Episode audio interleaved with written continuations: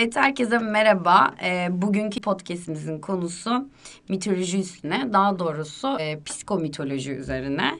Cemre ile birlikte bir konuğumuz var bugün. Şevval bizimle birlikte olacak.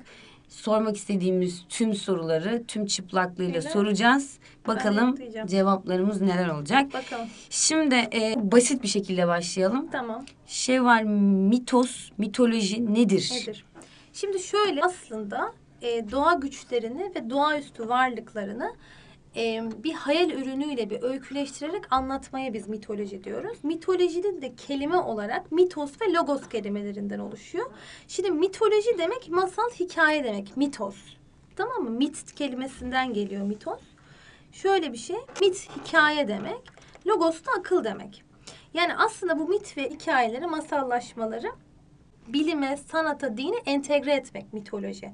Bizim o yüzden bizim için önemli. Yani loji kısmı bizim için önemli. Bu da akıl kısmı. Yani bunun devamı niteliği bu lojik kısmı sayesinde oluyor mitolojinin. Bu şekilde açıklayabiliriz Peki bu aslında. mitolojinin psikolojiyle nasıl bir alakası var? Mitolojinin şöyle psikolojik alakası var. Şimdi insan varoluşunu etkileyen bir şey bu. İnsanın varoluşunu etkileyen bir şey olduğu için de mitoloji de kolektif bir bilincin ürünü olduğu için de psikoloji de bizim davranışlarımızı etkileyen bir bilim dalı olduğu için aslında mitolojiyle bağlantısı böyle oluyor. Yani neden hepimiz işte diyelim ki biri hapşırdığı zaman çok yaşa demek gibi mesela bir otomatik olarak geliştirdiğimiz bir şey var ya Hmm. ya da diyelim ki işte bir- şey olduğu zaman ay Allah korusun deyip mesela şey tahtaya, Tahtaya vurmamız gibi. Şimdi bunların hepsi bir davranış modeli ve bu davranış modelinin nasıl olduğunu biz inceliyoruz psikolojide. İşte mitoloji de bize bu sorunun cevaplarını veriyor aslında. Kolektif bilinçaltı Kolektif bilinçaltı da şöyle bir şey aslında. İnsanların e, anlaşmadan içgüdüsel olarak aynı anda aynı şeyi hissetmesi meselesi gibi. Yani ortak bir davranış geliştirmesi. Ama bu belirli bir kültür ve toplumun içinde değil de yüzyıllara yayılan insanın varoluşundan itibaren ortaya çıkan bir şey. Yani ortak olarak bir yerde başlangıç noktası var ve bu bir şekilde sözsüz olarak devam ediyor. Bunu mesela en önemli temsilcisi de Young aslında. Kolektif bilinci söyleyen. İşte ortak korkularımız ve ortak zaaflarımız olmasından da kaynaklı bence. Ayrıca psikoloji, mitoloji ve bilimi birleştiren tek bir soru var aslında. Neden sorusu. Evet. Psikolojide mesela bir insanın gösterdiği tepkilerden farklı bir tepki gösterdiğinde neden sorusunu soruyor psikologlar. Aynı şekilde insan varoluşunun sebebini ararken de neden sorusunu soruyor. Hatta mitolojiden biz felsefeye geçerken de neden sorusunu sorarak geçiyoruz. Evet. Yani biz neden sorusunun üzerinde çok duracağız. Şimdi bir felsefeci olarak da şunu söyleyeyim. Felsefe mitostan logosa geçiş olarak söylenir. Aslında mitoloji kelimesinin açıklaması gibi düşünün. Mitostan logosa geçiş. Yani mitten, hikayeden akla, akla geçiş. geçiş. Mitos'un sorduğu bu neden sorusunu felsefe de soruyor. Felsefe böyle ortaya çıkıyor zaten. Neden? Niye varız? Felsefe bu arada gerçekten yüksek bir e, zümrenin bir zevki olarak ortaya çıkan bir şey. yani. Zenginlerin işi zaten. Yani neden varım sorusuna mitolojinin bana söyleyebileceği belirli bir cevap var. Bana daha fazlası lazım. İşte felsefe bu fazlasını arıyor. Tıpkı demin Cemre'nin dediği gibi yani logosu arıyor. Psikolojide de neden sorusunu soracağız. Felsefede de mitolojide de işte mitoloji de bunu soracak bize. Cevap verecek aslında mitoloji. Mitoloji bir cevap olarak var. Felsefe bir soru olarak var. O şekilde düşün. Şimdi gelelim Adonis'e. Ben şimdi Adonis'i Instagram'dan işte efendime söyleyeyim Kastan. sosyal medyadan Adonis kasını kime sorsam bilir. Evet. Değil mi? Erkekler özellikle Adonis kası üzerine e, bir e, takıntıları var. Şimdi Adonis miti diye bir şey var. İşte psikoloji literatüründe erkeklerin vücutları ile ilgili takıntılarını ifade eden Adonis kompleksi Hı. ne karşılık geliyor. E, ilgili takıntıları, kimlik bunalımlarını ifade ediyor aynı zamanda Adonis kompleksi. Peki bu konuyla ilgili ne söyleyebilirsin Cemre'cim? Yani bu komplekse neden Adonis adının verildiğini önce açıklamamız gerekir. Bunun için de Adonis efsanesi, Adonis mitini anlatmamız gerekiyor. Suriye kralı Teysas'ın kızı olan Mira, aşk ve güzellik tanrıçası Afrodit'in lanetine uğruyor ve babasına aşık oluyor. Dadısının kurduğu bir oyunla 12 gece boyunca babasıyla birlikte olan genç kadın bu birliktelikten hamile kalıyor.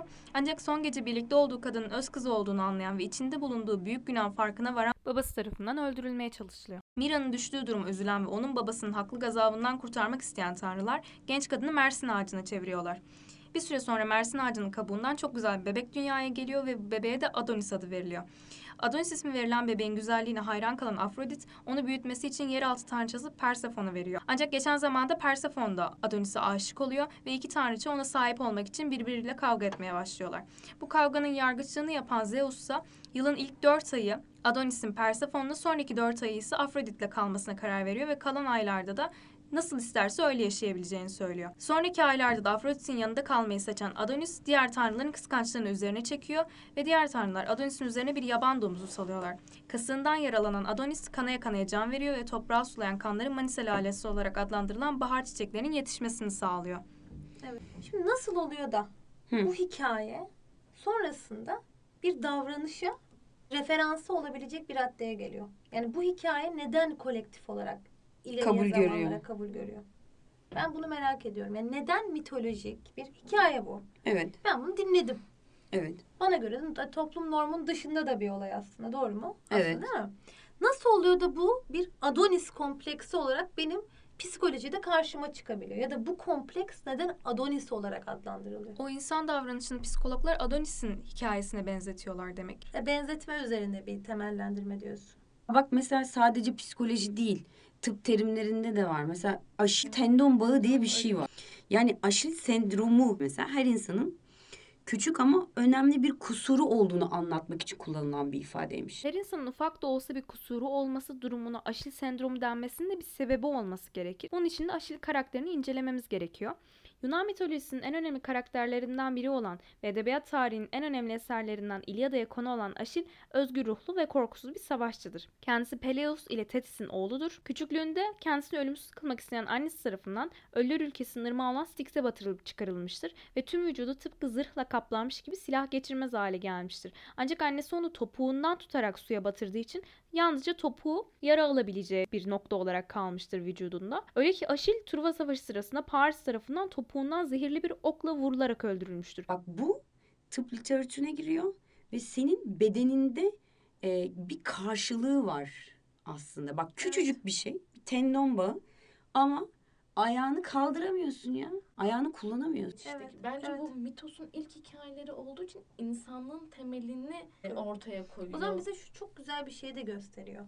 İlk insanın ortak gayesi Gayesi. neyse 2022'deki Aynen işte o öyle. kişinin İşte de aynı şekilde. zaafı ve ortak noktaları Hı hı. aynı. Aynı gündelik dertlerin içindeyiz. İnsan aynı insan. Ne yani Evet. derdi de tasası da fiziksel değişimi de hep aynı. Ortak bir gaye gidiyor Hı hı. insan bence. Şu da var. Mesela mitolojik olarak adlandırıldığında beni şu çok etkiliyor. Hikaye olarak dinlediğinde çok efsanevi bir şey olarak gelirken insan davranışı üzerine değerlendirdiğin zaman ne kadar olası bir şey olarak görüyorsun. Mesela Evet. Oedipus'u anlatacağız. Oedip- Oedipus bir tragedi olarak dinlediğin zaman işte onun gözlerini kör etmesi aslında kraliçenin onun annesi olması fikri insana korkunç gelirken Evet. kompleks, Oedipus kompleksi olarak psikoloji literatüründe dinlediğim zaman çok olası ve olan aa evet işte benim küçükken ben de öyleydim. İşte aa bak benim kardeşim de küçükken Şey öldü diyoruz mesela. Acaba hani birinin mitoloji kavramı olarak dinliyoruz. Mitolojinin bir efsane olduğunu bilincimiz Evet. biliyor. Diğeri de bilimsel bir terim ya da psikolojik bir terim mantığıyla dinliyoruz ya. Evet. Akıl acaba onu daha akla yakın olduğunu düşünüp o Evet. şekilde mi değerlendiriyor? Tabii o yüzden bilimselleştiriyoruz Hı hı. işte. Yani mitoloji o yüzden bilimin içine dahil olabiliyor.